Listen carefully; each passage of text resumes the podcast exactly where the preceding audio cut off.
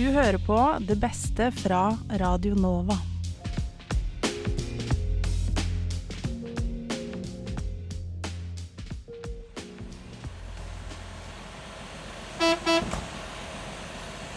Hallo, hallo, og velkommen om bord i denne bussen som skal frakte oss fra severdighet til severdighet her i Radio Nova.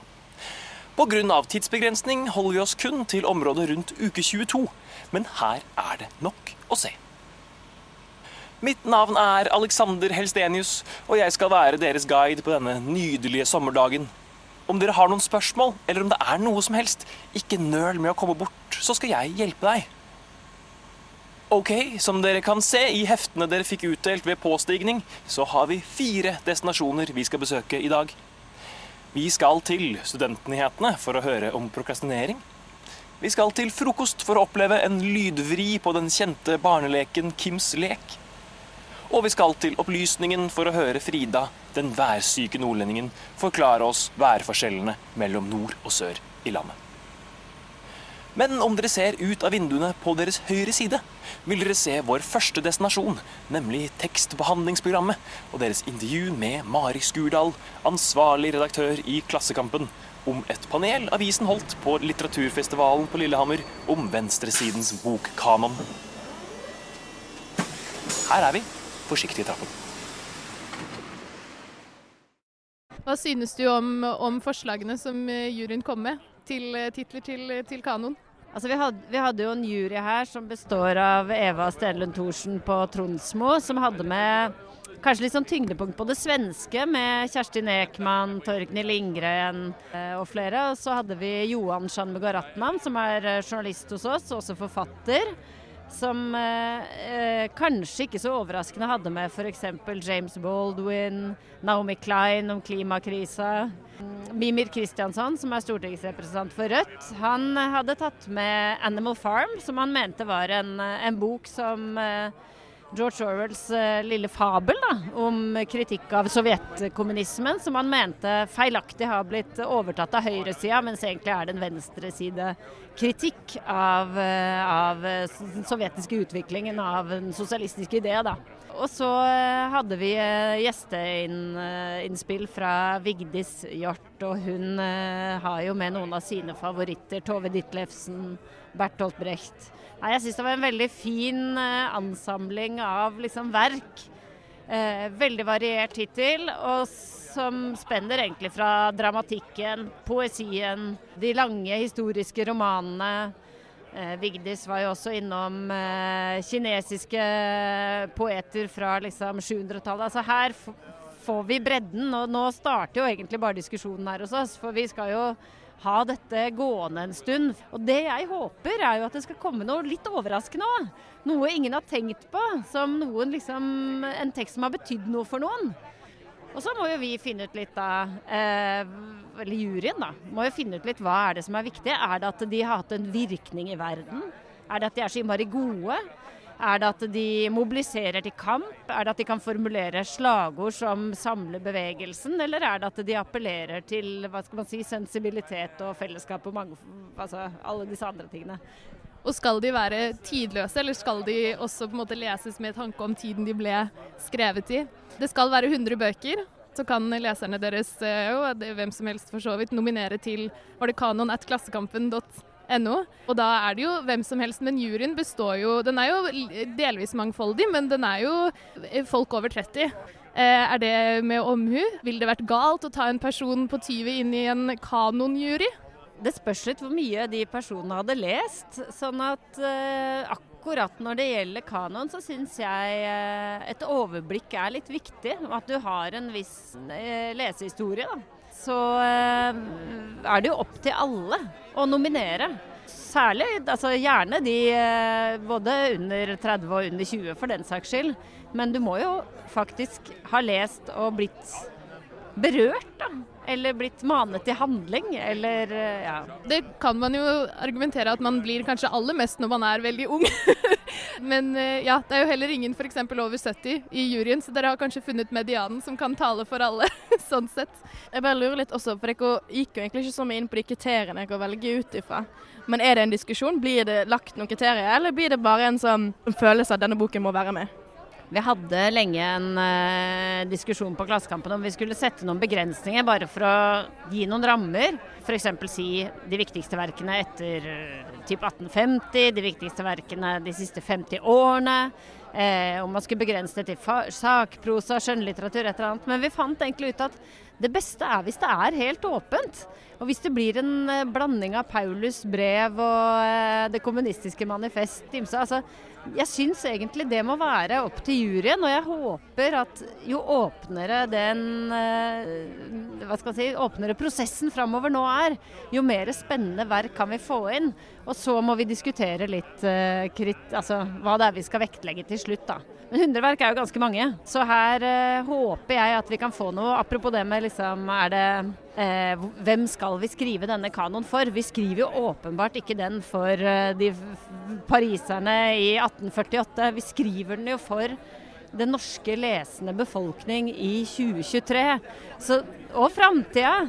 Den skal jo helst stå der. Så vi vil jo at dette her skal være noe som føles relevant. Og det gjør at du må ikke bare Du må ikke ha med noe fordi det er plikt. Du må ha med det vi syns er viktig i dag, og det som føles som brennende spørsmål i vår tid også, må, må jo disse bøkene virke inn for. Og kanskje være formende, mobiliserende for uh, vår tids bevegelser. Hallo og velkommen tilbake om bord i bussen. Jeg håper dere likte vårt første stopp. Vi har mer der det kom fra. Det er ingen som savner noen her nå? Nei, så bra. Vi nærmer oss faktisk allerede neste stopp. Og det blir Studentnyhetene, hvor vi skal høre om Maries innslag om prokrastinering.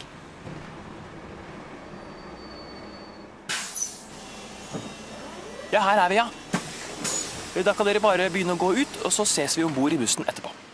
Nå har det vært et lite skippertak, fordi eh, jeg kom hjem fra Riga i går. og jeg har eksamen eh, fredag neste uke. Ida studerer vernepleie og forteller om noe som er typisk for mange studenter. Ikke nødvendigvis å dra til Riga, men det å prokrastinere. Men hva vil egentlig si å prokrastinere? Nei, Prokrastinering kan vel på norsk egentlig oversettes til utsettelsesatferd. Det forteller Fredrik Svartdal Færvåg. Han er både høyskolelektor på psykologistudiet på Høgskolen Kristiania, men også ekspert på prokrastinering. Så jeg er nok ikke den eneste som kjenner meg igjen i at du sitter der og har boka oppe, vet hva du burde gjøre, og plutselig så er Friends sesong 14 eller vinduene må vaskes eller et eller annet som da plutselig får forrang, og så sitter du der på kvelden og tenker faen, hva skjedde nå? Nå skulle jeg jo egentlig gjort dette her, men det gjorde vi ikke. Færvåg påpeker at prokrastinering er en tendens til å utsette. Man utsetter ikke én gang, men man utsetter noe over tid. Typisk kjennetegn er at det er gjerne kjipe eller aversive oppgaver som fort har større sannsynlighet hvert fall for å bli utsatt, sammenlignet med andre ting. Så f.eks. det å lese eksamen er jo et kroneksempel på ting som ofte hva skal man si, havner ned på prioriteringsrekka, selv om man egentlig er klar over at jeg burde egentlig prioritere dette her. Det er spesielt mange studenter som prokrastinerer. Her er det jo studier som har sett på hvor stor andel av studenter er det som prokrastinerer, og noen av de lavere estimatene ligger rundt 50% helt opp mot noen som rapporterer helt opp i 90% av studenter eh, som prokrastinerer. På Oslo skinner sola, og flere studenter sitter ute. To av studentene som nyter finværet, er Hedda og Kristine. De studerer begge til å bli grunnskolelærer fra 5. til 10. trinn. De har hatt én eksamen de er ferdig med. Eh, det har jo gått så som så. Vi driver og leser nå da, til den neste uke, så det er jo ganske intenst denne uka her. Begge har opplevd å prokrastinere i perioden de jobber med eksamen, men hva gjør de når de prokrastinerer? Alt mulig annet. ja. Alt annet trener. Vil heller vaske enn å lese eksamen. Kristine har funnet en metode som hjelper mot prokrastinering. Og så uh, syns jeg det er greit å liksom gi seg sjøl litt belønninger iblant. F.eks. nå har du lest en time, da kan du gå i kantina og kjøpe en Red Bull. Denne teknikken viser også psykologlektor Færvåg til, og den heter pomodoro-teknikken eh, som går på at du etablerer og trener på å skille fokusert jobb fra loking på telefonen og alt mulig annet tull. Slik at du f.eks. setter på en vekkerklokke eller en eh, stoppeklokke og la oss si jobber 100% effektivt en halvtime, og så skal du ha ti minutter pause. Og da er det ikke noe sånn jobbe litt i pausen. Lala. Nei, da skal du reise deg og gå bort, hente deg en kopp kaffe, lukke på telefonen, gjøre hva du vil. Bare det ikke er den jobben du egentlig holder på. Men som ekspert på prokrastinering, prokrastinerer han sjøl? Prokrastinere selv, og prøver i hvert fall etter beste evne å prokrastinere konstruktivt. Og si at ok, nå orker jeg ikke dette her mer, så da gjør vi noe annet konstruktivt i stedet. Da skriver vi noe, eller svarer på en mail, eller et eller annet sånt, og så kan vi komme tilbake, sånn at iallfall det skiftet mellom oppgaver holder seg noenlunde innenfor arbeidets rammer, da, og ikke sklir ut til at plutselig står du der på Gaustatoppen og lurer på hæ, åssen kom vi her, jeg skal jo lese eksamen. Satt på spissen. Til de som fremdeles sitter med eksamen, har han et siste tips. tenker jo, for å prøve å være litt sånn nyansert og nesten si mot meg selv, vær litt snill og raus med deg selv. Merk deg selv at nå er det nok for i dag, når du kjenner at du ikke har mer å gi. I stedet for å sitte der og skulle bevise deg selv og de andre rundt deg at du er den flinkeste og skal sitte til klokka ti på kvelden, eller hva det måtte være. Fordi man burde jo også kalle en spade for en spade og si at nå er det ikke mer å gå på. Eh, Så nå tar vi en berettiga pause, og da syns jeg man skal gjøre det. Færvåg har selv sittet og retta eksamen. Ja. Har du prokrastinert når du skulle sette deg ned og rette? Alltid. Alle prokrastinerer jo, eh, men i varierende grad. Jeg tror ikke du finner en person der ute som ikke har prokrastinert. Det er sikkert noen som hevder at de aldri har gjort det. Men skjerp deg, du har, du har gjort det. Men du kom i mål? Kom i mål, til og med før fristen. Ja, å, så Så- herlig. Klapp på skuldra på meg. Ja, ja, ja. Der har du snart sommerferie. Ja. Ja. Begynner å nærme seg. Deilig. Se der, ja. Jeg talte over dere på veien, og vi er alle mann igjen. Godt dere alle kom dere om bord igjen, selv om jeg skjønner at det er fristende å bli igjen hos eh, studentenhetene. Vår neste severdighet er nemlig et virkelig høydepunkt på turen. Vi skal til frokost og høre Espens radioversjon av den kjente barneleken Kims lek.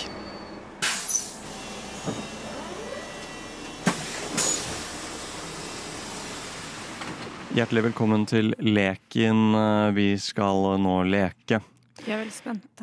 Har dere hørt om Kims lek? Ja, hørt om, men jeg vet ikke konseptet. Å, jeg elsker okay. Kims lek. Kjapp uh, forklaring. Kims lek er da du har eh, la oss si et bord med x antall gjenstander. Og så skal eh, deltakerne huske gjenstandene. Vi dekker det til, fjerner en gjenstand.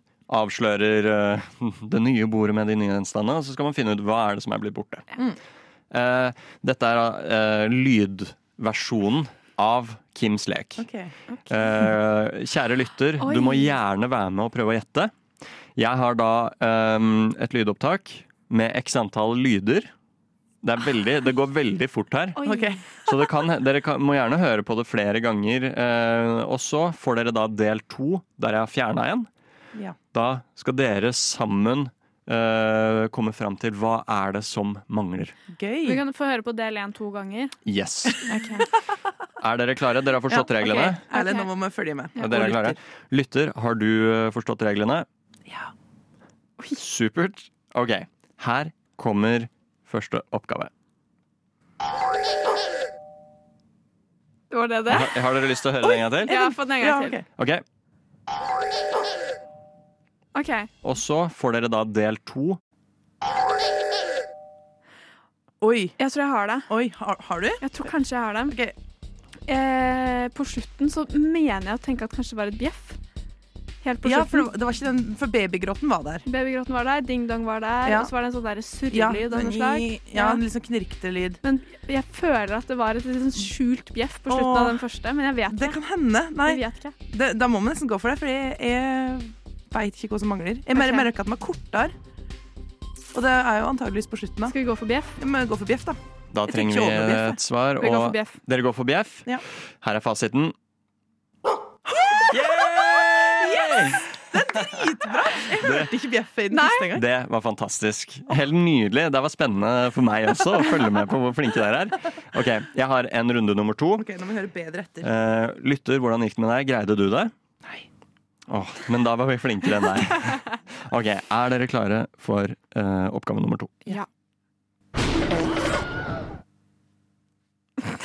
Det, er, det, er helt, det går helt sjukt fort. Ja, det går veldig fort. en gang til. En gang til.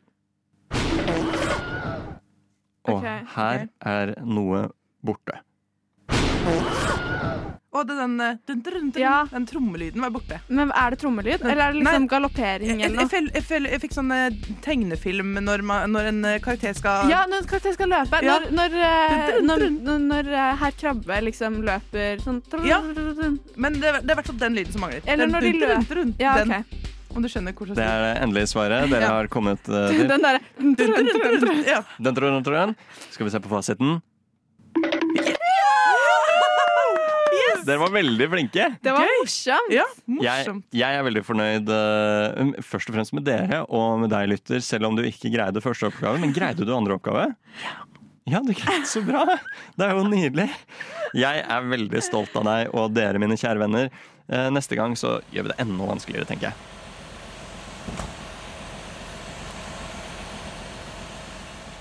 Hallo, velkommen tilbake om bord. Jeg håper alle har kost seg, og at dere er klare for siste stopp. Jeg har dessverre noen dårlige nyheter, og det er at bussens toalett er tett for øyeblikket, så jeg vil anbefale deg å oppsøke toalett på neste destinasjon om du er fornøyd. For å kompensere for dette er kaffen her foran meg nå gratis, så bare kom opp hit om du vil ha litt. Hvis dere kikker til høyre nå, vil dere se vår siste destinasjon, nemlig opplysningen og Fridas innslag om værforskjeller mellom nord og sør.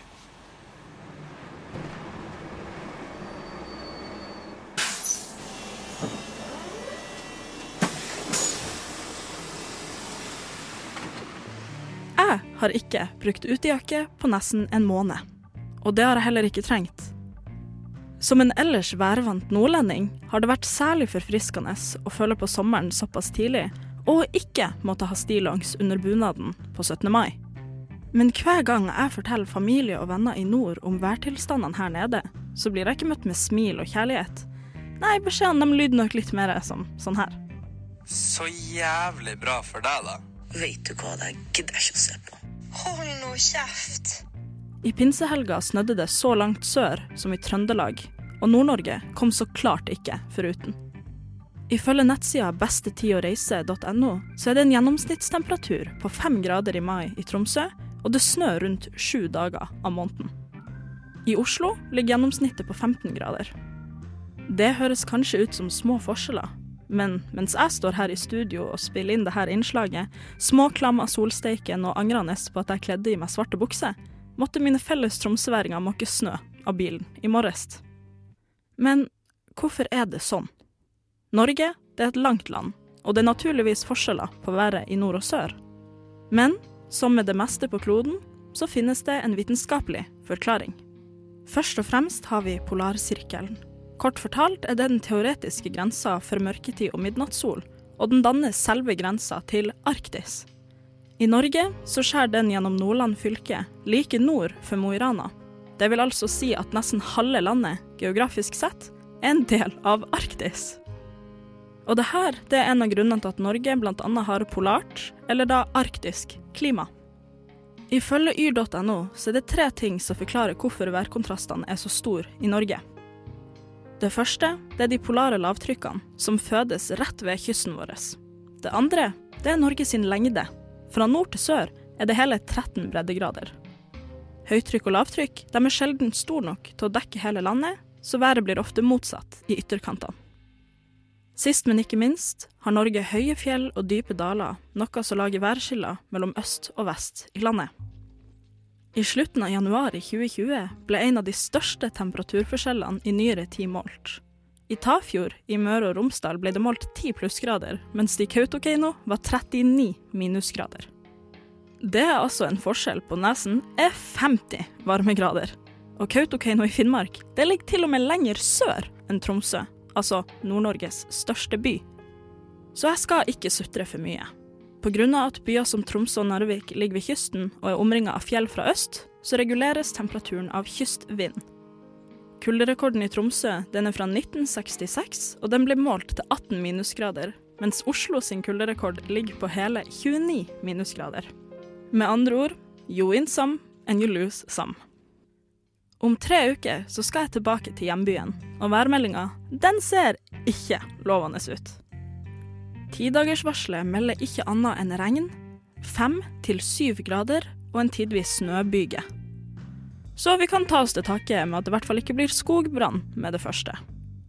Men idet jeg sitter her og nyter de siste ukene med faktisk sommervær, får vi håpe at Golfstrømmen kan gi om så lite grann sommerfølelse i nord. Så dere får ønske meg lykke til på min ja, ekspedisjon til Arktis.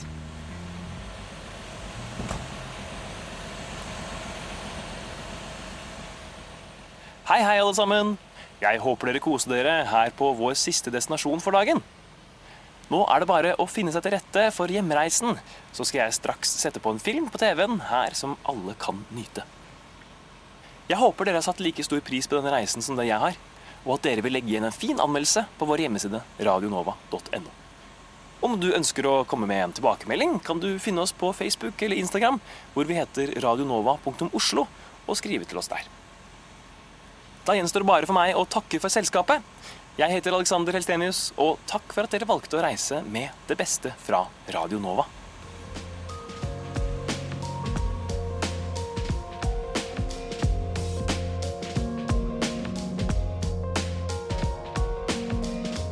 Du har hørt på en podkast fra Radio Nova. Finn flere podkaster på din foretrukne podkastavspiller eller radionova.no.